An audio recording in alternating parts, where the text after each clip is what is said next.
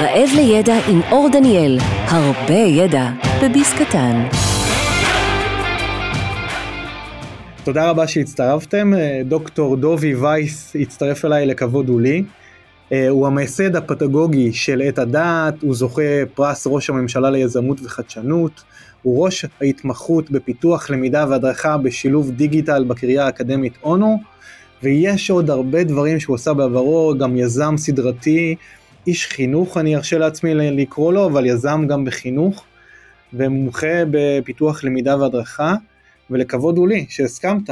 תודה אור, האמת אה, שלכבוד הוא גם לי להשתתף אה, ברעב לידע. אני חושב שזה מיזם מאוד מאוד חשוב שמנגיש אה, ידע חשוב לתעשייה שלנו ולקהילה שלנו, ואני מאוד מאוד שמח להיות כאן איתך.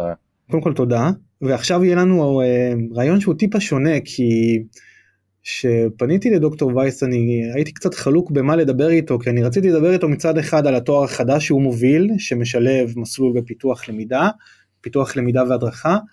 Uh, הוא ידייק את זה יותר, יכול להיות שאני חוצפן ומשנה קצת את המילים, אבל uh, רציתי לדבר איתו על זה וגם ככל שאני קורא עליו יותר אני רוצה יותר דווקא לשאול אותו על הרקע שלו, אז זה יהיה ערבוב של שני הדברים הללו, uh, שהוא מוביל כמובן את, ה, את המסלול. ואני הייתי רוצה גם ללכת אחורה דווקא ולשאול איך הגעת לכל הדבר הזה, לכל העולם המופלא הזה, ואני יודע שהוא התחיל עם היחידה המבוססת למידת מחשוב אה, עוד בצבא, שאני אשמח שתדבר עליה קצת. אה, נכון, האמת שמאז שאני זוכר את עצמי, מאז שאני ילד, אני, אני אהבתי כל כך הרבה דברים, אבל בעיקר אהבתי להסביר ולמצוא דרכים אה, מעניינות להסביר. אמנם עברתי מסלול הכשרה שלא היה קשור לזה, עשיתי את אה, פרויקט חמן תלפיות ושירתתי ב-8200, אבל uh, בתוך תוכי ידעתי שבעצם אני, אני, אני אוהב ללמוד ואני אוהב ללמד. בוא נגיד שהעשייה המשמעותית שלי הייתה בין השאר גם בצבא, כשהזכרת את הצבא, אז היחידה נקראה הדרכה באמצעות מחשב של חיל המודיעין, כי אחרי שעשיתי את התואר השני בארצות הברית, בפיתוח למידה והדרכה בשילוב אה, כלים דיגיטליים, וחזרתי לארץ, אז אה, אה, ביקשו ממני לפתח את כל התחום הזה שם. ושם למעשה הייתי אחראי להכשיר את כל מפתחי הלומדות של חיל המודיעין, ובלי עין הרע, חיל המודיעין, יש לו הרבה חומר להעביר לחיילים שלו, אז זה היה, זה היה באמת מקום מרתק לעבוד בו. האמת שהתחלתי במקביל לזה, אני חושב שהייתי בסטארט-אפ הראשון במדינת ישראל אה, בתחום הטכנולוגיה החינוכית, לא קראו לזה הסטארט-אפ, אבל זו הייתה חברה שנקראה יוריקה, אה, שמי שאז הוביל אותה זה חנן יניב, והוא uh, הזמין אותי איך שחזרתי מבוסטון עם התואר השני ב-Educational Technology, להצטרף אליו, ויחד עשינו שם דברים מדהימים, אני לא אשכח את uh, פרויקט קטנים כגדולים, זו הייתה תוכנה שהייתה מותקנת בכל גני הילדים במדינת ישראל, עשתה סימולציה לילדים של לעבוד עם ווינדוס אבל בלי מילים אלא רק עם אייקונים, מרתק. אתה יודע, אבל כשאני מסתכל על, ה, על ההתפתחות גם של עולם הלמידה, זה, זה מתיישב ביחד, כלומר אתה היית אז בין הראשונים שהביאו מארצות הברית את כל הלמידה המבוססת מחשב, כי שם זה התחיל, התחיל בצבא האמריקאי, כל הסוגי קבצי סקורם שבעצם עוקבים הנתונים אחרי הלומדים, אז בעצם הבאתם את זה לארץ, וגם אתה אומר הטמעתם את זה ב-8200, כלומר יצרתם אה, מסלולים חדשים ולומדות, ומשם אה, אפילו ליזמות של כל גני ישראל, אבל איך, איך קיבלו את זה? אני זוכר עוד גם שאני בהיותי ילד, אני חושב שזה מתיישב בתקופה הזאת יחסית, שהיו כל מיני תוכנות כאלה שיושבות וזה זה, זה, זה שאתה מתאים צבעים, מתאים אה, כל מיני דברים, או... כן, זה היה זה, אבל להבדיל ממה שהיה אז בגני הילדים של משחקונים, כאן הייתה תפיסה מרתקת שאומרת שצריך לחנך את הילדים מגיל צעיר להשתמש במחשב ככלי. כמו שאנחנו בעצם רוצים שתהיה אוריינות דיגיטלית, היום אנחנו קוראים לזה אוריינות דיגיטלית. אז אמרנו לעצמנו, בוא נלמד אותם למשל לבטא את עצמם באמצעות המחשב. אז יצרנו להם שפה של אייקונים. בוא נלמד אותם לעקוב אחר נתונים. ואז למשל הם היו קמים בבוקר ומסמנים מה מזג האוויר, היה להם כאלה תמונות, ואז בסוף החודש יצרנו להם היסטוגרמה והם ראו נגיד שבחודש יולי יש המון המון המון שמש וכמעט ואין גשם. זאת אומרת הרעיון היה להשתמש ב... לפתח אוריינות דיגיטלית לגני הילדים, זה היה מרתק. במקביל לזה דרך אגב עשינו פרויקטים מהתאחדות התעשיינים, שבה לקחנו בני נוער ויצרנו להם סימולציה, שיתוף עם תעשי ידע, שבו הם משחקים תפקיד של מנהלים במפעל, ואחד מנהל שיווק, אחד מנהל ייצור, אחד מנכ"ל, והם היו צריכים לפתח אה, ולשווק סוודר, וככה בעצם אה, הם למדו את כל המקצוע הזה. שזה מרתק, היום כשאני מסתכל על זה, אתה יודע, בפרספקטיבה של 30 שנה, זה כל כך מתכתב עם התואר הראשון שאני מוביל בקריאה האקדמית אונו, כי רגל אחת היא באמת בחינוך, ורגל שנייה היא בתעשייה ובהדרכה, זה, זה מדהים לראות איך, ה, איך העולם הזה אה, ממשיך לנטוע שורשים בשני העולמות האלה. אני חושב שגם יש כמה דברים שאתה אומר שאני מאוד מתחבר, גם אני חושב שההסתכלות הזאת עוד אה, אז הסתכלתם על המימוניות של המאה ה-21. נכון. אוהבים להגיד את זה כסיסמה, אבל כן, כבר אז... כן, ולא ידענו לקרוא לזה כך. לגמרי. אני חושב שאתה יודע, בסופו של דבר אנחנו רוצים תמיד ללמד את, כמעט את אותם דברים בשינוי אדרת, אתה יודע, אותה גברת בשינוי אדרת. האם אתה יותר יזם או יותר איש למידה? תראה, אמ, אני אגיד את התשובה הקצרה ואת התשובה היותר ארוכה. התשובה הקצרה זה שאני איש למידה שחייב ליזום ולפתח דברים חדשים. זה, זה התשובה. אז אתה רואה, בחרתי להגיד קודם איש למידה, אבל באותה נשימה יש לי את התשוקה הזאת לפתח וליזום דברים חדשים. אז תראה, הדבר הראשון שעשיתי זה שהצטרפתי ליוריקה, הייתי אז צעיר, זה היה לפתח שני פרויקטים חדשים לגמרי. אחרי זה עברתי לאוניקס, אוניקס הייתי שם סמנכ"ל פיתוח מוצרים, זו הייתה החברה הכי גדולה בארץ לפיתוח הדרכה באמצעות מחשב, הדרכה באמצעות מחשב לתעשייה. אז שם למשל בניתי פעם ראשונה דברים, למשל כשסלקום היו 20 אנשים, אני בניתי לעובדים הדרכה על מה זה תא סלולרי. כשיוסלה שומאחר מטבע, יוסלה שומאחר המפורסם, שהיה מנהל הדרכה מטבע, היה צריך לפתח הדרכה על התרופה החדשה, חדשה, חדשה שיצאה לפני חודש, שקראו לה קופקסון, שלימים הפכה את טבע להיות אחת מהמובילות בעולם, אז פיתחנו אה, הדרכה על קופקסון. כשאני מסתכל ככה קצת על ההיסטוריה, אז אני באמת רואה שאני מאוד אוהב למידה, אבל מאוד אוהב לחדש. אה, אחרי זה שהלכתי לעשות את אה, תוכנית מנדל למנהיגות חינוכית, שבעצם זה תוכנית חינוכית, כן? אבל היא בעצם תוכנית למנהיגות חינוכית, ששנתיים אתה לומד אה, כל מה שאתה רוצה, ואחרי זה נותנים לך לעשות משהו למען עם ישראל, משהו שלא היה עד היום. ואני בחוצפה ישראלית של איש צעיר החלטתי שאני חייב לשפר את לימודי המתמטיקה במדינת ישראל, ו... והלכתי ולמדתי איזושהי שיטה שפותחה בעולם, ואז כשסיימתי את מנדל אה, פגשתי את שמואל מיתר, אה, ואז דיברנו ולא היה רעיון גם לעשות משהו למען עם ישראל, וחברנו ביחד וככה בעצם נולדה את הדעת, שפה בעצם אפשר להגיד שזה מיזם גדול מאוד ללמידה, אבל הוא באמת היה אחד ויחיד בעולם, זה אני אומר לך באחריות. מה, מה ייחד אותו? מה זאת אומרת אה, אחד ויחיד בעולם? מה מיוחד בעת הדעת? אני אסביר, תראה, עת הדעת כשקמה ב-2004, אז המנדט שבעצם קיבלתי משמואל מיתר היה, תעשה משהו בשילוב טכנולוגיה, כדי שייתן מענה למצב אה, של ההוראה ולמידה בכיתות, כי ככה אי אפשר להמשיך יותר. זאת אומרת, אי אפשר להמשיך יותר שמורה עומד אה, ומדבר רוב הזמן, שאין מענה לשונות, שאין למידה פעילה, בעצם שהמודל הוא כזה מודל של המאה ה-19. ואז הוא אמר לי תעשה מה שצריך ואני אתן לך כמה כסף שאתה רוצה, שדרך אגב זה היה המון כסף. ואז אה, כשבחנתי את האפשרויות השונות, אז תמיד הייתה אפשרות של או אולי בעצם נפתח כל מיני לומדות כאלה, אתה יודע כמו שעשיתי לחיל המודיעין, שהתלמידים ילמדו ולא צריך מורים. אבל כאן התקבלה החלטה בעיניי מאוד מאוד נכונה, ולימים מסתבר לא שגרתית. לא לפתח לומדות, לפתח סביבה שתעצים את המורה ולא תחליף את המורה. כמו שמרשל מקלון אמר, technology is extension of man. הטכנולוגיה היא בעצם העצמה של האדם, ואני, בחדר שלי יש פוסטר שכתוב עליו technology is extension of man, instructional technology is extension of teacher.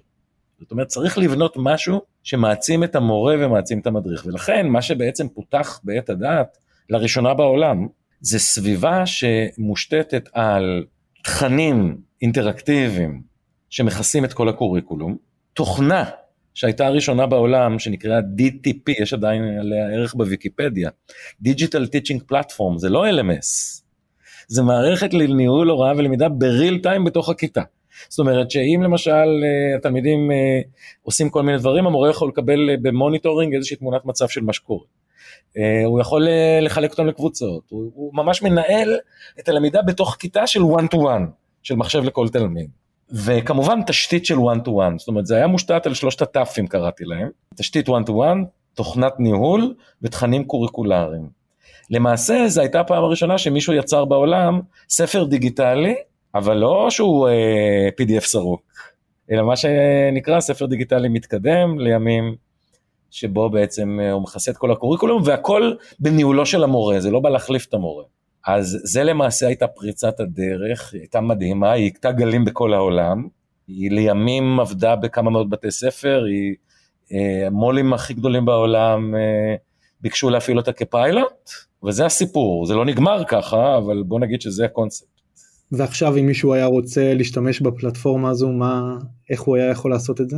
אוקיי, okay, אז uh, היום uh, יש שרידים של הפלטפורמה הזאת, אבל לצערי, פוליטיקה קטנה וכוחות של השוק גדולים הביאו למצב שאי אפשר היה uh, להמשיך עם הדבר הזה uh, במודל פילנטרופי, כי זה התחיל כמודל פילנטרופי, ולכן זה עבר איזושהי מוטציה, והיום אם מישהו היה רוצה להשתמש בזה, אני לא ממש בטוח שהוא יכול להשתמש בזה, אולי זה שמור במחשבים אה, של שמואל מיתר, אבל בוא נגיד שהקונספט הזה עצמו, כמו שהוא, לא פועל יותר, אבל ההשפעה שלו על השוק הישראלי והעולמי הייתה מאוד גדולה.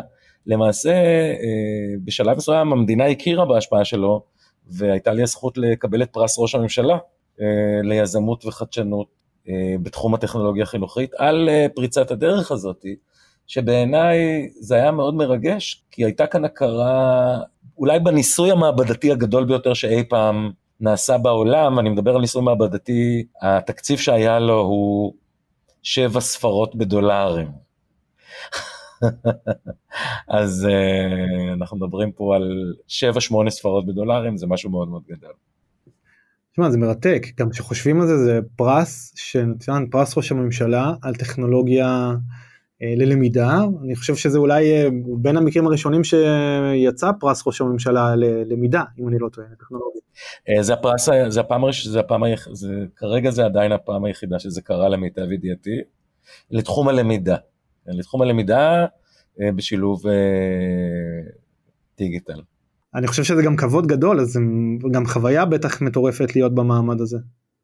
כן, כן, האמת שזו חוויה גדולה, זה הייתה איזו סגירת מעגל, כי, כי התחלתי את כל הסיפור הזה כשגדעון סער היה אז שר החינוך, והוא היה חבר הכי טוב של ביבי, ראה חיוך של האירוניה, והוא היה צריך לשכנע אותי אה, לגייס איזה 400 מיליון שקל לתקציב תוכנית התקשוב הלאומית המפורסמת. ואז הוא אמר לי, דובי, תשמע, אתה פתחת את, את הדעת וזה פועל בשכונת התקווה בבית ספר מהמם ומקסים, למה לא תזמין את ביבי ותסביר לו כמה חשובה טכנולוגיה חינוכית, אה, ואכן זה מה שהיה, אה, הזמנתי אותו והצגתי לו את זה במשך חצי שעה, זה היה מרתק, ו... ואכן זה עזר מאוד, ותוכנית התקשוב הלאומית יצאה לדרך, אה, ו... וככה בעצם התחיל הסיפור. וסגירת המעגל הייתה בלקבל מאותו ביבי את פרס ראש הממשלה, אחרי שבאמת זה עבד כמה שנים. כן, אז uh, בהחלט, uh, בהחלט היה כאן uh, סגירת מעגל וסיפוק גדול. מעניין מאוד הסיפור הזה כי אפשר לראות איך הדברים מתגלגלים. אז בוא נראה אם התגלגלנו נכון. אתה היית בין הראשונים בארץ שהובילו בעצם את הלמידה המבוססת מחשב הבאת אותה מארצות הברית לישראל. בתחילתו של עולם ה-instructional design פה בישראל אפילו היית בין היזמים המיזם הראשון וגם אז הכנסת אפילו לגני ילדים ולבתי ספר טכנולוגיות חדשות בהיקף מאוד מאוד רחב ומאוד גדול, פרס ראש הממשלה, חוויות מטורפות, את הדעת, ועכשיו אתה ראש המסלול לפיתוח למידה והדרכה בשילוב דיגיטל, תספר לנו איך הגעת לזה. מה... תראה, אני חושב שהשנה האחרונה, אפילו החמש שנים האחרונות, אבל בעיקר השנה האחרונה, הביאה את כולנו להכרה, העולם לומד בדיגיטל. אתה יודע, עצם זה שיש לכל אחד ביד מכשיר ששווה בעוצמת החישוב שלו למחשב שהנחית את הפולו הראשונה על הירח. ועצם זה שאתה יודע, אתה, אתה נדהם, אתה יכול ללכת ולראות אנשים שהם הם, הם כמעט לא יודעים לעשות uh, שום דבר טכני, אבל להפעיל טלפון סלולרי הם יודעים בלי בעיה, והם יודעים אפילו למצוא מידע, ו, ואתה גם רואה מה עשתה הקורונה, ואיך uh, איך אנשים פתאום הבינו שחייבים ללמד מרחוק וללמוד מרחוק ולהיות יותר עצמאי, ואתה גם מבין את המחיר של הטעויות. אומרת, אתה מבין שכשאנשים אה, באים לארגונים ובאים לעבוד בארגון, אז אם מלמדים אותם לא טוב, אז הם פשוט עושים טעויות, והטעויות עולות כסף לארגון. ואתה אומר, רגע, אז למה שאני לא אעזור להם אה, לעבוד טוב יותר, כי זה יחסוך הרבה מאוד כסף. וזה גם, ואתה גם רואה שזה מעצים את האדם, אז מה שאני בעצם רוצה להגיד, שאם אני מסתכל ככה על המגמות, אה, ואני מלווה כבר את התחום הזה באמת אה, 30 שנה, והתחום הזה קיים כבר משנות ה-70, אני חושב, אור, שהגענו באמת זוהי שעתו היפה של התחום של פיתוח למידה והדרכה בשילוב דיגיטל, ואם אנחנו רוצים אה, לקדם גם את מדינת ישראל בתחום הזה, צריך להכשיר אנשים שידעו לעשות את זה. אתה יודע, כשמסתכלים היום על אנשים בשטח, מי עושה היום אה, פיתוח למידה והדרכה? יש המון המון המון אנשים, יותר מדי, שעושים את זה בלי השכלה פורמלית, בלי רקע פורמלי, קצת, ב, אתה יודע, ב, הם לימדו את עצמם, הם קצת אלתרו, עכשיו זה בסדר, יש ביניהם אנשים נפלאים, אבל אני אומר, למה שלא נתייחס ברצינות למקצוע הזה? כי זה המקצוע בעיניי הכי מרתק בעולם, והמקצוע של העתיד, ובואו נכשיר אנשים בצורה רצינית לתחום הזה. ולכן אה, הקמתי את המסלול הזה בקריאה האקדמית אונו, שזה בית אה, מעולה, כי זאת המכללה הכי גדולה בארץ. מאוד חשוב לי אה, להכשיר אה, אנשים צעירים שידעו לעשות את העבודה הזאת כמו שצריך. אני יכול להסביר מה הכוונה, אבל קודם כל זה, זו השליחות. אני מבין את הרצון הזה, אבל אתה יודע גם אמרת משהו לגבי המצב בארץ וראינו אותו בשעתו הטובה ביותר אולי, אולי הנדרשת ביותר, אבל אני חושב שדווקא זה היה המשבר הגדול ביותר. זה הראה כמה אנחנו לא ערוכים ללמד מרחוק, כמה לא משתמשים באמצעים טכנולוגיים, כמה לא יודעים להשתמש באמצעים טכנולוגיים, כמה כל כך הרבה תכנים לא מיוצרים ולא נוצרו בצורה נכונה לשימוש במערכות טכנולוגיות. ויש פער מטורף, כלומר מה הדעה שלך על זה? בוודאי, אני רגע אחדד את מה שאמרתי, כשאמרתי שזוהי שעתו היפה של התחום, לא התכוונתי שלפני חצי שנה הייתה שעתו היפה של התחום. התכוונתי שעכשיו זוהי שעתו היפה של התחום, כי אנשים פתאום אומרים, וואו, חייבים לעבור ללמידה בדיגיטל, חייבים לשפר, חייבים להיות אפקטיביים. אני חושב שאנחנו מצאנו את עצמנו בשעת משבר מאוד גדולה אה, לפני חצי שנה ולפני תשעה חודשים. למעשה היינו במה שנקרא בספרות המקצועית הוראה חירומית. זה לא הייתה בעצם למידה מרחוק, זה לא היה online learning, זה היה לגמרי אה, הוראה חירומית. עכשיו זוהי שעתו היפה, כי, כי פתאום כשאתה בא לדבר עם מורים, עם מנהלי הדרכה, עם אה, מנכ"לים של ארגונים, הם אומרים בטח, וואו, חייבים לשלב עכשיו דיגיטל כדי לעשות הדרכה ולמידה, אז לגמרי אני מסכים איתך. זה היה משבר גדול, ומתוך המשבר נולד משהו חדש. דרך אגב, אני לא יודע אם אתה יודע, אבל בעברית כיסא של יולדת נקרא משבר. אתה יודע מה, אם אנחנו מדברים על זה על משברים, יש עוד משברים שהם בדרך. בפרקים הקודמים שלי גם אני מדבר על זה, יש את ה... משבר, אנחנו כרגע בעיצומו של משבר כלכלי בין הגדולים ביותר מאז השפל הכלכלי הגדול. גם דוח עתיד העבודות, סליחה, של הפורום הכלכלי העולמי אומר על הצורך להכשיר, שאנחנו נצטרך להכשיר בחמש שנים הקרובות 50% מאוכלוסיית העובדים לתפקידים חדשים, למקצועות חדשים. אז אני חושב שהתפקיד הזה יהיה נדרש עוד יותר בעתיד הקרוב, אה, למרות שעדיין אנחנו במשבר שיוצאים ממשבר הקורונה, אנחנו רואים אולי קצת אה, עדיין אין את הפוש הרציני של הגיוס של האנשים, אבל אני חושב שאתה צודק, אני חושב שאנחנו על הסף של אה, פריצה ענקית של התחום הזה עוד יותר למודעות, חוץ מהעובדה שעד לפני שנה אף אחד לא ידע מה זה טכנולוגיות למידה, והיום נראה לי שאין בן אדם בארץ שלא יודע מה זה טכנולוגיות למידה או למידה מבוססת מחשב, למידה מרחוק, כל מיני מושגים שהיו ארטילאיים ואף אחד לא ידע מהם, היום הם במרכז, וזה סופר מעניין כי um, התואר שאתה, שאתה מוביל הוא יושב בחינוך ואתה עכשיו מדבר בשפה ארגונית. אז אני אשמח שתפרט קצת יותר על התואר, איך הוא יושב דווקא בחינוך, ומה היתרונות פה של העולם הארגוני גם. נכון, אתה צודק, זה באמת אה, צירוף אה, מרתק וייחודי. אז התואר באמת ממוקם בפקולטה לחינוך וחברה. הוא תואר ראשון, והוא אה, מכשיר מפתחי למידה ומפתחי הדרכה. זאת אומרת, יש בו שני נתיבים. אה, יש קודם כל איזשהו גרעין משותף, תכף אני אדבר עליו.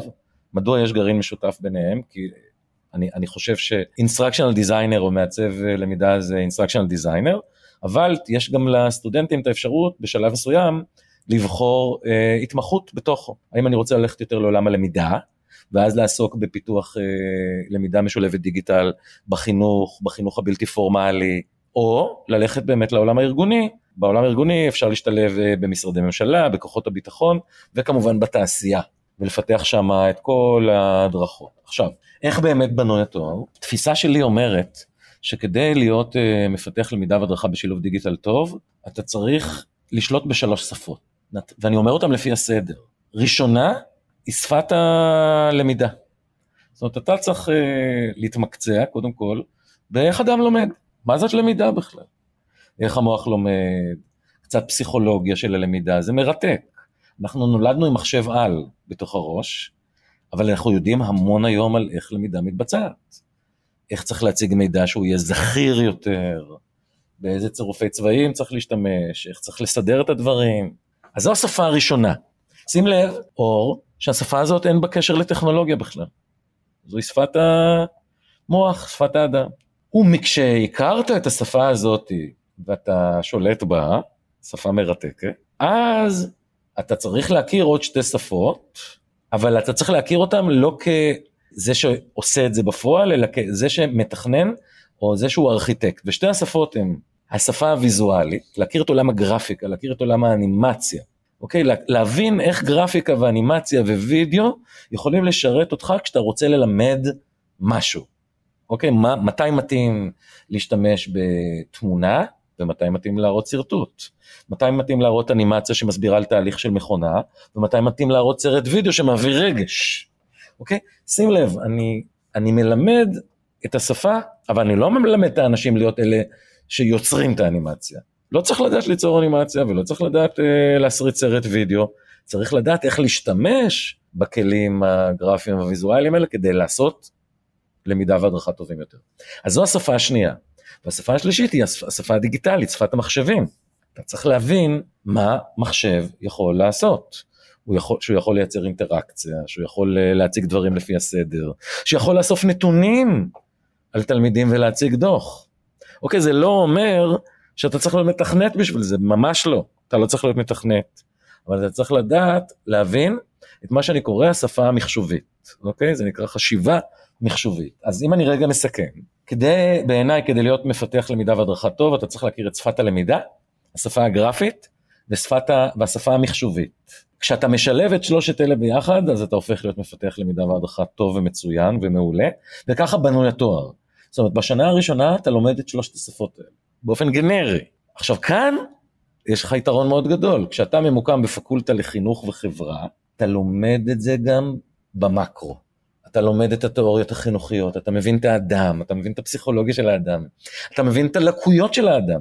אנחנו למשל, למשל מלמדים קורס על לקויות למידה, ואתה מבין גם את, ה, את החברה הישראלית. כי אתה, כשתלך לפתח למידה והדרכה, אתה ת, תעשה את זה בהמון המון מקומות, גם בפריפריה. וזה דבר מאוד חשוב בעיניי, ללמד את זה, נקודת מבט הומניסטי. להבין שבסופו של דבר, מה, למה בעיניי מפתח למידה והדרכה זה המקצוע הכי יפה בעולם? כי איך אתה בוחן אה, יופי של מקצוע? אתה שואל לי מה אדם עובד, בעל המקצוע, כן? למשל, נהג עובד עם מכונית, פיזיקאי עובד עם אטומים, גנן עובד עם עצים, מה עובד מפתח למידה והדרכה? הוא עובד עם בני אדם. הוא לא סתם עובד עם בני אדם, עובד עם בני אדם ועם המוח שלהם. זה האובייקט הכי קסום בעיניי. אוקיי? אז אבל מי שעובד עם בני אדם צריך להבין בני אדם. ולהבין בני אדם, לדעתי צריך לצאת מנקודת מבט חינוכית, נקודת מוצא הומניסטית, ולכן זה יתרון מאוד גדול שזה ממוקם בפקולטה לחינוך ולא בפקולטה להנדסה.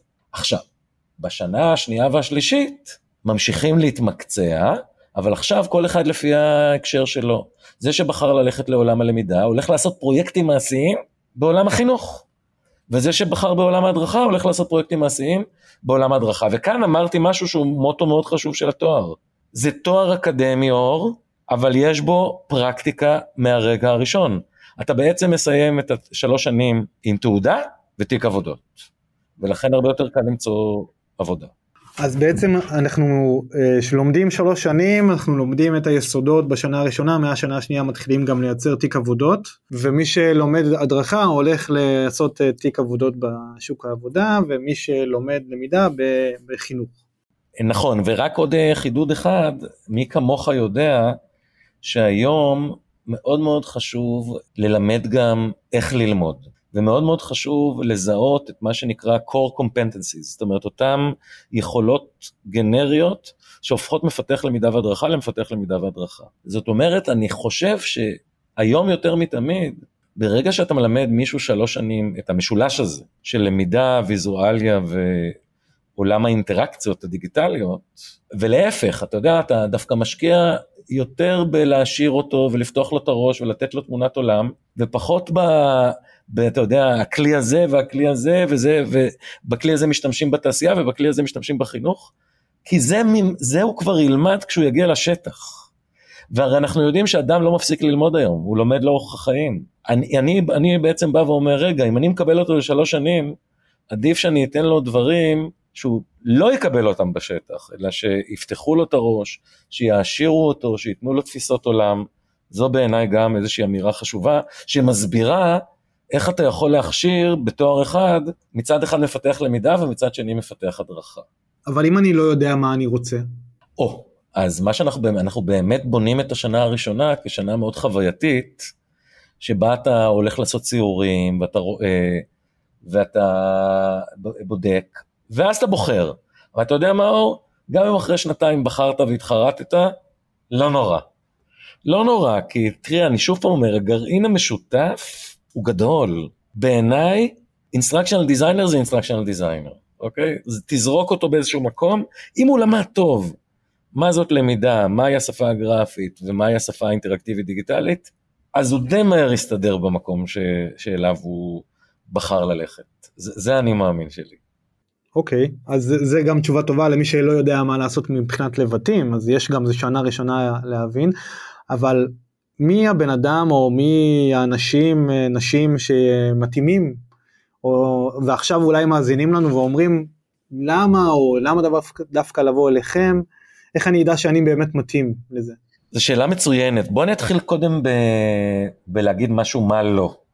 לא צריך כדי לבוא לעשות את התואר הזה, וזה חשוב לי כי זה, זה מיסקונספציה ידועה, לא כדי לבוא לעשות את התואר הזה, אתה לא צריך להיות איש מחשבים, ממש לא. ואתה גם לא צריך להיות אנימטור או מעצב גרפי. אוקיי? זה מאוד מאוד חשוב להגיד את זה. זה כמו שארכיטקט הוא לא יודע להניח יסודות של בניין בפועל, והוא גם לא יודע לייצר את המערכת החשמלית בתוך הקירות. והוא גם לא יודע לצבוע את ה... או, לעצ... אה, כן, או לעצב את, ה... את הלובי של חדר המדרגות. נכון? בשביל זה בדיוק יש את הקבלן ואת המעצב פנים, אבל הארכיטקט יודע לעשות משהו שאף אחד אחר לא יודע לעשות. הוא, יודע... הוא מבין היכולות של כל בעלי המקצוע, והוא יודע לתכנן את הפתרון הטוב ביותר. אז אני בעצם אומר, מטאפורה מעולה של המקצוע הזה, זה בעצם ארכיטקט למידה. זאת ה, זו המטאפורה בעיניי אחת הכי מוצלחות, כן? אנשים אולי מנסים להבין אותה כרגע, מה זה אומר, אבל אם רגע הם יתחברו לרעיון הזה של ארכיטקט, מה עושה ארכיטקט? ארכיטקט שומע על צורך, מכיר מעולה את כל מה שאפשר לעשות, ואז בצורה יצירתית ואפקטיבית בונה פתרון, אוקיי? וזה בדיוק בעצם התהליך שעושה ארכיטקט למידה או מפתח למידה והדרכה בשילוב דיגיטל. אז מי מתאים לזה? אני אגיד לך מי מתאים לזה. קודם כל, מי שמתאים לזה, זה מי שאוהב לעבוד עם בני אדם. זה חשוב מאוד לבני אדם, פעם אמרתי, האובייקט שאיתו אנחנו עובדים זה בני אדם. אז מצד אחד הוא צריך לאהוב בני אדם, אבל מצד שני הוא צריך להיות סקרן למידע.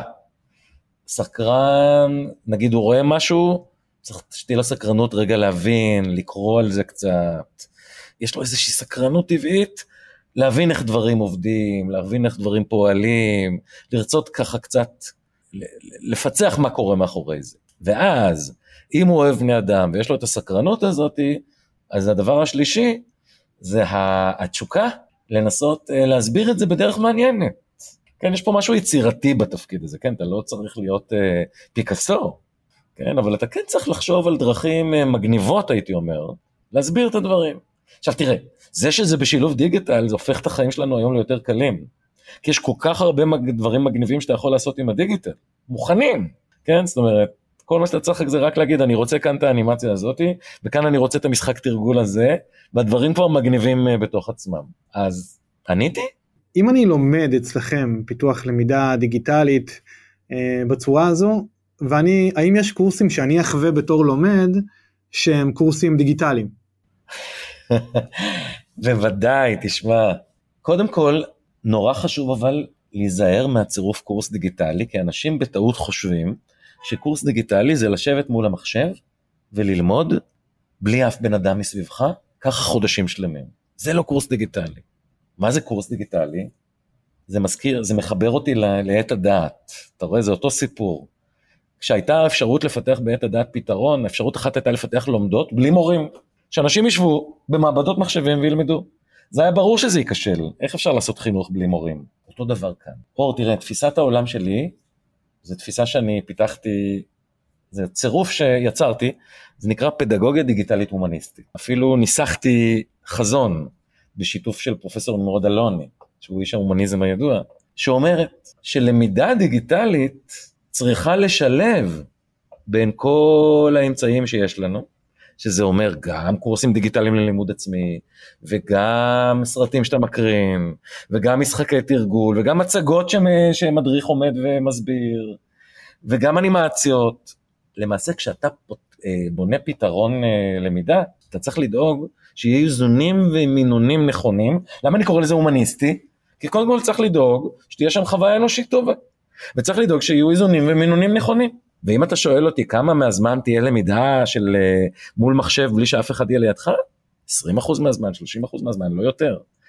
אז כשאתה שואל אותי האם בתואר הסטודנטים יחוו למידה דיגיטלית, התשובה היא כן, אבל הם יחוו אותה על פי העיקרון של פדגוגיה דיגיטלית הומניסטית. זאת אומרת שכשסטודנט יבוא ללמוד ומרצה ילמד אותו, אז יעשה שילוב בכלים דיגיטליים, ונשתמש בכל האמצעים, בין אם כשהמרצה יעמוד ויסביר אז הוא יראה סרטון, בין אם אחרי זה הוא יגיד לסטודנטים, ועכשיו תפתחו את הטלפון הסלולרי שלכם ותענו על שלוש שאלות, ונראה את התשובות שלכם על הלוח, וכלה בלומדות קלאסיות של לימוד עצמי. אז התשובה שלי הייתה קצת ארוכה לשאלה קצרה, אבל מאוד מאוד היה חשוב לי להעביר את הקונספט הזה. לא, מעולה, אני גם חושב שמי שהאזין לתשובה הרחבה גם מבין שחלק מהתפקיד של מפתחי הדרכה הוא למצוא את התמהיל הנכון בין גם סוגי הלמידות השונות כולל סינכרונית ואסינכרונית ואיך ליצור את זה בצורה אפקטיבית.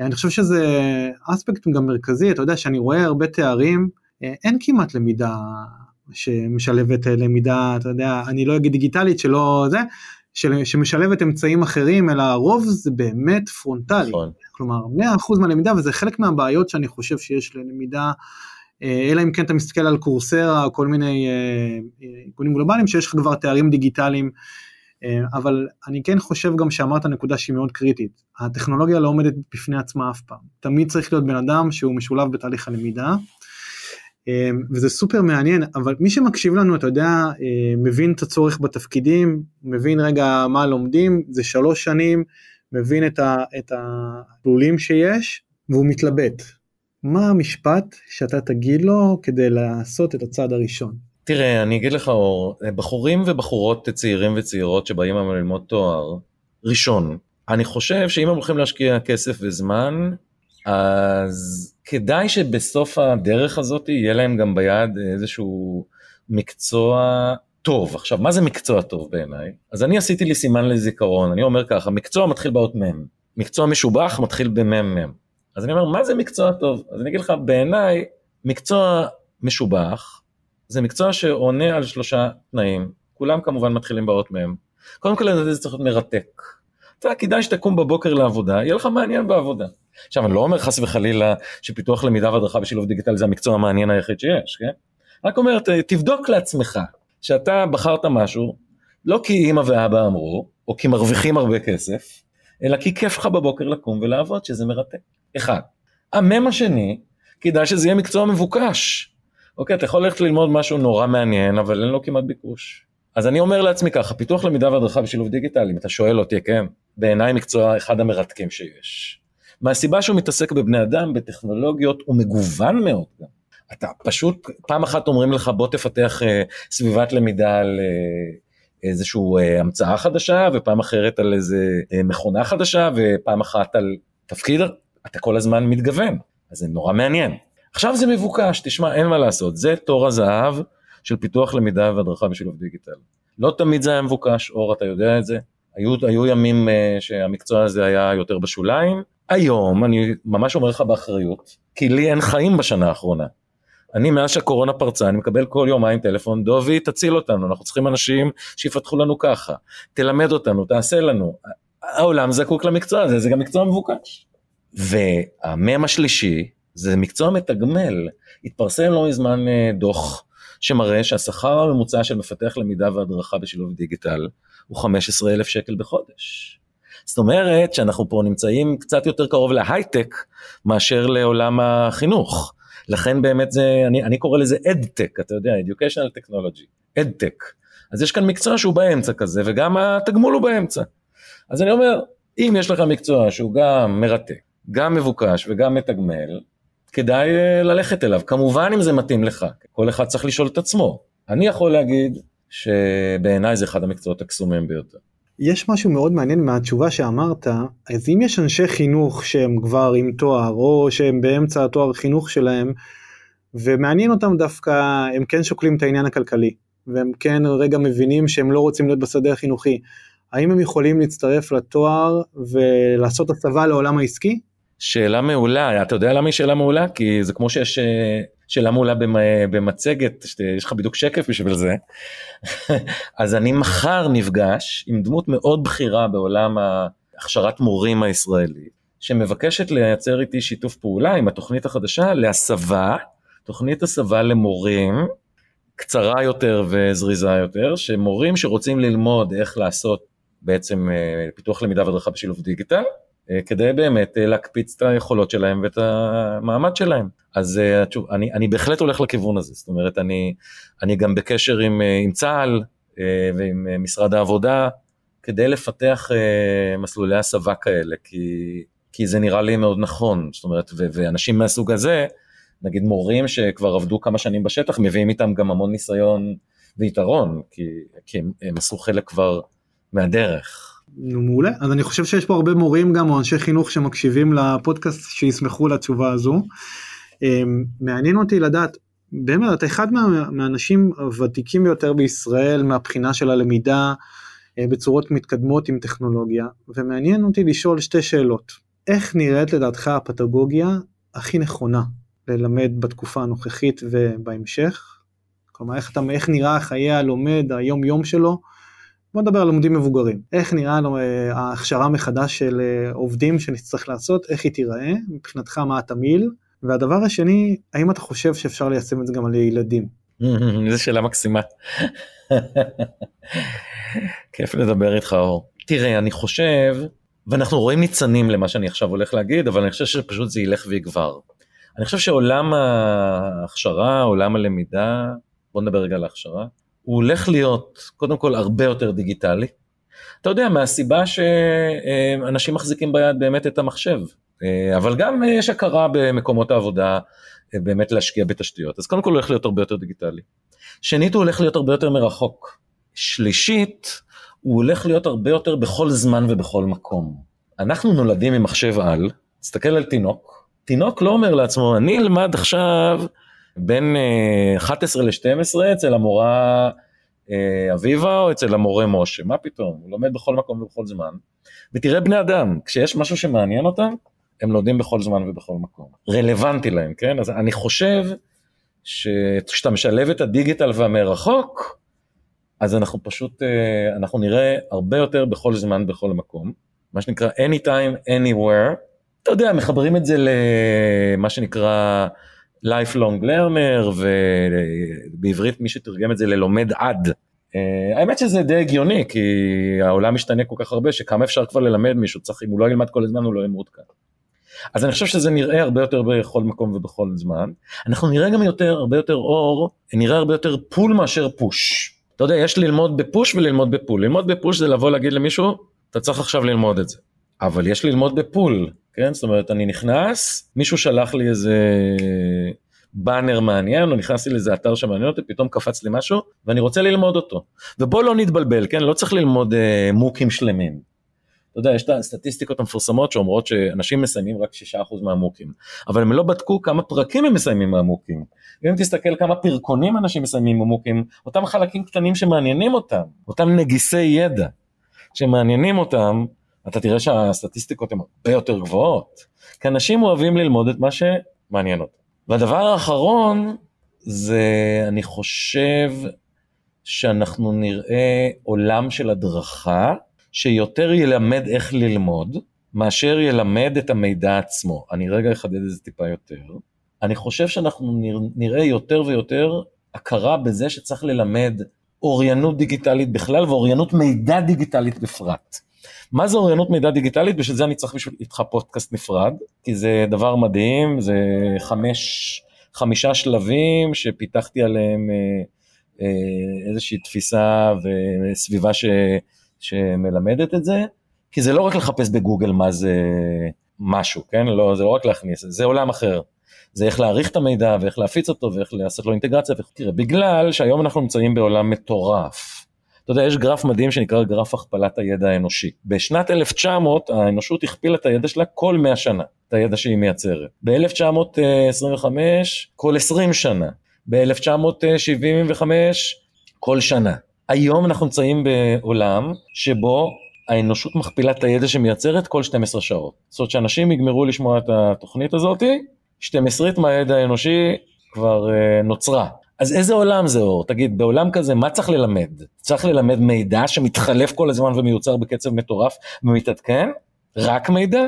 או שצריך ללמד איך למצוא מידע, איך להעריך מידע, איך להיות לומד עצמאי? לכן אני אומר את הדבר הבא, אם אתה שואל אותי. יש את המשפט המפורסם, תלמד אותם לא רק דגים, תן להם לא רק דגים, אלא תן להם גם חכות, נכון? כי דגים כל הזמן נולדים ומתים באוקיינוס, אבל מי שיש לו חכה ביד יכול גם לדוג דגים חדשים. ואני אומר, צריך ללמד אותם לא רק, אה, לא לתת להם רק דגים ולא רק חכות, אלא צריך גם ללמד אותם איזה סוגי חכות יש, ואפילו איפה יש חנויות של חכות. זאת אומרת, כשאני למשל מלמד את הסטודנטים שלי אה, לפיתוח למידה והדרכה ושילוב דיגיטל, על חידושים בתחום הטכנולוגיה החינוכית.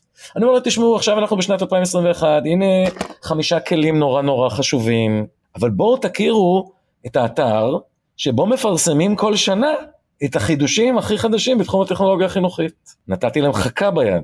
אבל לא רק זה, אני אומר להם בואו תכירו את האתר שבו יש את רשימת כל הדוחות שמפרסמים את החידושים הכי חדשים שיש. נתתי להם את הכתובת של חנות החכות הכי חשובה באינטרנט למידע. אז אם אני מסכם, אני חושב שעולם ההדרכה יהיה יותר דיגיטלי, יותר מרחוק, יותר בכל זמן ובכל מקום, יותר פול מאשר פוש, והרבה יותר מלמד איך ללמוד ומקנה אוריינות דיגיטלית, ופחות מידע. לא שלא צריך מידע, צריך לתת מידע, בוודאי, אבל צריך שזה יהיה באיזונים הנכונים. עכשיו שאלת אותי, האם זה רלוונטי גם לילדים, נכון?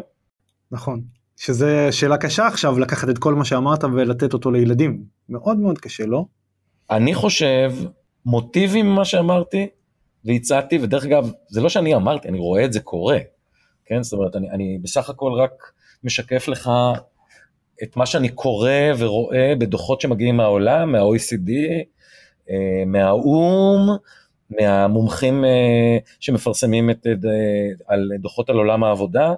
זה, מה שהם אומרים, אני פשוט עשיתי לך אינטגרציה של, של הדברים האלה, אבל אני חושב שמה, שאם נסתכל על חמשת הוקטורים האלה שדיברנו עליהם, של דיגיטציה מרחוק, anywhere, anytime, פול ופוש ואוריינות דיגיטלית, אני חושב שהוקטורים האלה יכולים להיות קיימים במערכת החינוך, צריכים להיות קיימים במערכת החינוך, הם רק צריכים לעבור התאמה, אוקיי? הם צריכים לעבור התאמה, כן? אין דין אה, עובד אה, במפעל שצריך להכשיר את עצמו אה, להיות אה, לומד בכל זמן ובכל מקום, כדין אה, תלמיד בכיתה ג' שעכשיו לומד מתמטיקה ואנגלית. אנחנו עושים את ההתאמות, אנחנו עושים את ההתאמות, וההתאמות האלה משמעותיות, כן? כי ללמוד איך ללמוד בכיתה ג' זה לא כמו ללמוד איך ללמוד כשאתה בן 32 ועובד בחברת הייטק, אוקיי? ואני עשיתי סדנאות לחברות הייטק, לעובדים איך להיות לומד עד. אתה יודע, זה מרתק. היום חברות הייטק, מזמינות אותי לעשות סדנאות כי הן מבינות שלא מספיק שהם הכשירו את העובדים שלהם לתפקיד, הן רוצות לעודד את העובדים להיות לומדים עצמאיים. עכשיו, אתה יודע, יש פה מסר והיפוכו, כי הן אומרות, אתם תהיו לומדים עצמאיים ואתם תכשירו את עצמכם אולי לתפקיד הבא, שלא יהיה בחברה שלי בכלל. אבל הן מבינות כמה זה חשוב לתת לעובדים את ההזדמנות לפתח את עצמם כל הזמן, כי אחרת הם יהיו מיושנים. אז זה לא אותו דבר, אבל חייבים לעשות את זה, אור, אתה יודע למה? כי דיואי אמר שבית ספר זה לא הכנה לחיים, זה החיים עצמם. אז אם אנחנו רוצים שבוגרי מערכת החינוך בסופו של דבר יגיעו לחברות ההייטק ולבנקים ולמפעלים ולמוסדות החינוך כמלמדים, ויהיה להם כבר את ה-DNA הזה של ללמוד בכל זמן ובכל מקום ולדעת איך ללמוד אה, ולהיות אוריין דיגיטלי, חייבים לזרוע את הזרעים שלו כבר בגיל הצעיר. רק מה? בהתאמה. סופר מעניין, אתה יודע, אבל מעניין אם יורם הרפז, הפרופסור יורם הרפז היה פה, הוא היה אומר גם, אתה יודע, ואז אנחנו נלך לשאלות של מה מטרת החינוך. ואז הוא יגיד, יש שלוש מטרות לחינוך, שהקולטורציה וזה, למי שרוצה תשמעו, יש פרק שלי עם אה, פרופסור יורם הרפז, אבל בהחלט פה אנחנו רוצים להעניק לילדים את היכולות לעולם העבודה, כי בסופו של דבר אנחנו רוצים שהם יתפרנסו בכבוד. כן. אתה יודע, זה יותר מעולם העבודה. ואני מכיר טוב את יורם שהוא חברי ורעי וידידי והיינו יחד במנדל ואנחנו גם uh, מתעניינים באותו תחום של פיתוח חשיבה אבל זה יותר מהכנה לעולם עבודה למרות שזה אכן הכנה לעולם עבודה. לדעתי זה הכנה לעולם. איך אפשר בדיוק היום לתפקד בעולם אם אתה למשל לא אוריין דיגיטלי? זאת אומרת אתה יודע זה גם אתה הולך לעירייה ופתאום יש לך שם קיוסק דיגיטלי ואתה צריך לדעת לצרוך שירותים ו... ו... ואתה יודע, אין מה לעשות, זאת אומרת, אנחנו חיים uh, בעולם שבו הדיגיטל הוא, הוא חלק כבר מאורח החיים שלנו, כן? צריך לדעת כמובן, אתה יודע, לשמור גם על צלם אנוש ועל תרבות ורוח ואומנות, הכל כמובן בצורה מאוזנת, uh, אבל, אבל אני חושב שזה הכנה לעולם היום, לדעת איך להשתמש בדיגיטל. אני מסכים, אני חושב שזה חלק מהחיים שלנו ואין ספק שזה צריך להכין את עצמנו לזה וגם את הילדים שלנו. לגבי, אתה יודע, אני חייב לזוז הצידה, אני חייב לשאול שאלה הצידה גם לגבי התחום של העתק בישראל. הרי העתק, כל מה שקשור לעולם הטכנולוגיות בלמידה בישראל, בסטארט-אפים, בעולם ההייטק, אני, אני לא חושב שהוא כל כך מצליח בישראל או שאני טועה. אתה לא טועה. העתק זה אחת החידות הכי גדולות לא רק בישראל אלא בעולם. כי אדטק, תראה, מצד אחד, אתה יודע, יש מדד נורא מפורסם, שמסתכל במה משקיעים המשקיעים היום, בתי השקעה, אתה יודע, VCs מה שנקרא, venture capital. אז כשאתה מסתכל למשל על מדד ההשקעה בהעתק ב-VCs, אתה רואה עלייה מטורפת. זאת אומרת, האנשים שאמורים להיות הכי חכמים בעולם בתחום של לאן הולך העולם של הפיתוח העסקי וההצלחות, הם כרגע חוזים שבקרוב מאוד זה יהיה התחום הכי לוהט. מצד שני, כשאתה מסתכל תכלס כרגע בשטח, כמה חברות בעולם הנפיקו או הרוויחו או היו מה שהפכו להיות מה שנקרא יוניקורן, כן? מעל מיליארד דולר, אז אתה לא מוצא אה, עדיין חברות מתחום ההעתק שהן יוניקורנס, כן? אולי אחת, משהו כזה, אבל... ומה יהיה בעצם הסיבה? הסיבה היא שאדטק מורכב משתי מילים, טק ואד. טק זה טכנולוגי, וטכנולוגי יודעת לרוץ כמו אש בשדה הקוצים, אבל אד זה אדיוקיישן. ואדיוקיישן זה עולם שמרני מטבעו, והוא גם עולם פוליטי. ובגלל שהוא שמרני ופוליטי וגם לוקאלי, כן, אתה יודע, מערכת החינוך בצרפת זה לא כמו מערכת החינוך בגרמניה, ולא כמו מערכת החינוך באיטליה, אז יש אה, כוחות מעכבים שעדיין לא מאפשרים לנו לבצע את מה שנקרא, מה שאנחנו קוראים בעולם החדשנות, disruptive innovation, חדשנות משבשת. יחד עם זאת, אין לי בכלל ספק שאם תראיין אותי כאן עוד חמש שנים, אנחנו נשב כאן ואנחנו נחזיק ביד לפחות, לפחות שלושה ארבעה מיזמים שהצליחו לשבש את אה, מערכת החינוך, לשבש במובן החיובי. כן, לשבש במובן החיובי זה אומר לעשות משהו שגרם למיליוני אנשים אה, ללמוד בצורה אחרת, כי זה הרבה יותר טוב והרבה יותר אה, מוצלח. אנחנו ממש ממש נמצאים כרגע, בוא נגיד, שומעים את, אה, אם תחבר כרגע את גלאי הססמוגרף לקרקע של העתק, אז אתה תגלה גלי רעידות אדמה מקדימים. אז בתור יזם בין הוותיקים בארץ בתחום, אז אם מישהו שמקשיב לנו ואומר וואלה יש לי פה, יש לי רעיון בוננזה, אולי, אני, עוד, אולי עוד כמה שנים נראיין אותך, אתה, אתה, אתה תרצה לשמוע ממנו על הרעיון, אתה עדיין רוצה לעסוק ביזמות אולי? בוודאי, אני כל חיי מתעסק ביזמות, גם ברגעים אלה ממש, על אף שאני מוביל אה, מסלול אה, לתואר ראשון, אני תמיד אה, מייעץ או אפילו מצוי בשניים שלושה דברים חדשים, כי אני חושב שמי שמתעסק בחינוך, בכלל ובהעתק בפרט, חייב להיות אופטימי. זה לא מקום לאנשים פסימיים. חייב להיות אופטימי אבל לדעת את הנתונים שבעצם אם אתה נכנס לתחום הזה ביזמות ספציפית לחינוך זה יכול להיות מאוד מאוד דרך מאוד קשה וקלה. לגמרי ואתה יודע אור אתה אומר דבר מאוד חכם כי הידיעה הבית ספר הזה שעברנו בשלושים שנה האחרונות הוא בית ספר מלמד מאוד ואתה יודע זה אומנם זה נכון שההעתק בישראל הוא לא בשמיים וזה נכון שאין עדיין יוניקורן בהעתק אה, בעולם אבל יש כבר מאות חברות שמרוויחות מעולה שכבר עושות אה, יופי של עבודה. זאת אומרת שללא כל ספק, אם נצייר את הגרף של ההעתק ב-20 שנה האחרונות, אז יש עלייה. ולדעתי אנחנו עכשיו נמצאים בנקודה שבה השיפוע הולך להישבר, וזה יטוס למעלה. אה, אז בוא ניפגש עוד חמש שנים, אור. רק צריך את הרעיון ואת הביצוע הנכונים כנראה. כן, לגמרי, וזה בדיוק שניהם ביחד, כי רעיון לבד לא מספיק. אני מסכים. צריך גם את הביצוע. יש, אה, דוקטור וייס, יש שאלה שהייתי צריך לשאול ולא שאלתי? זה מה צריך לעשות מישהו שמתעניין בתחום הזה, ששנינו כל כך אוהבים אותו, ורוצה ללמוד עליו יותר. מה הוא צריך לעשות? אז דבר ראשון אני אגיד לך מה הוא צריך לעשות, הוא צריך להיכנס לרעב לידע, כי אני חושב שזה אתר מעולה, וגם אני חושב שהוא מנגיש את המידע בצורה מאוד uh, קליטה, אז אני ממליץ, אם יורשה לי. ודבר שני, שיש המון הזדמנויות היום קצת יותר להכיר uh, את העולם הזה. למשל, יש אתר שנקרא קמפוס של ישראל דיגיטלית, ששם למשל אפשר לחוות מה זה קורס דיגיטלי ברמה גבוהה, בחינם. יש למשל אפשרות לחפש אה, אה, סרטוני הדרכה קצת ולהסתכל אה, ביוטיוב על סרטוני הדרכה ולראות מה הם יכולים לעשות. יש האמת גם חברות, נורא מעניין לכתוב פיתוח למידה והדרכה, לקבל לשלוש ארבע חברות מובילות. ולראות מה הן עושות, זה מרתק לראות. פשוט ללכת לקרוא את השירותים שלהם, מה שנקרא, מה ה-services שהם מציעים, מה, לראות את הפירוט של כל התכולות, בדיוק, תהליכים. נכון, והם נותנים גם דוגמאות, אתה יודע, כי אני שמתי לב שאחד הדברים הבאמת מסתוריים במקצוע שלנו, שאנשים לא תמיד מבינים עד הסוף מה זה, עד שהם לא רואים דוגמה בעיניים. ולכן אני יודע שאתה אוהב לשים אה, לינקים גם אחרי כל פודקאסט. אז למשל אני מצאתי עכשיו לאחרונה כמה דוגמאות נורא יפות, למשל לומדה, שלוש דקות סרטון שמציג מה זה לומדה בטיחות. שתי דקות משחק הון שמתרגל אה, לוח כפל. שלוש דקות סרטון שמסביר על לומדה להנגשת השירות לאנשי מכירות. אז אני אומר, אם אתם סקרנים לדעת מה זה הדבר הזה ובאמת אוהבים גם לראות דוגמאות בעיניים, שווה להסתכל על הדוגמאות. כי אם היה לי יותר זמן, אז הייתי ממש לוקח חמש דקות ומסביר רגע מה זה פתרון הדרכה ולמידה.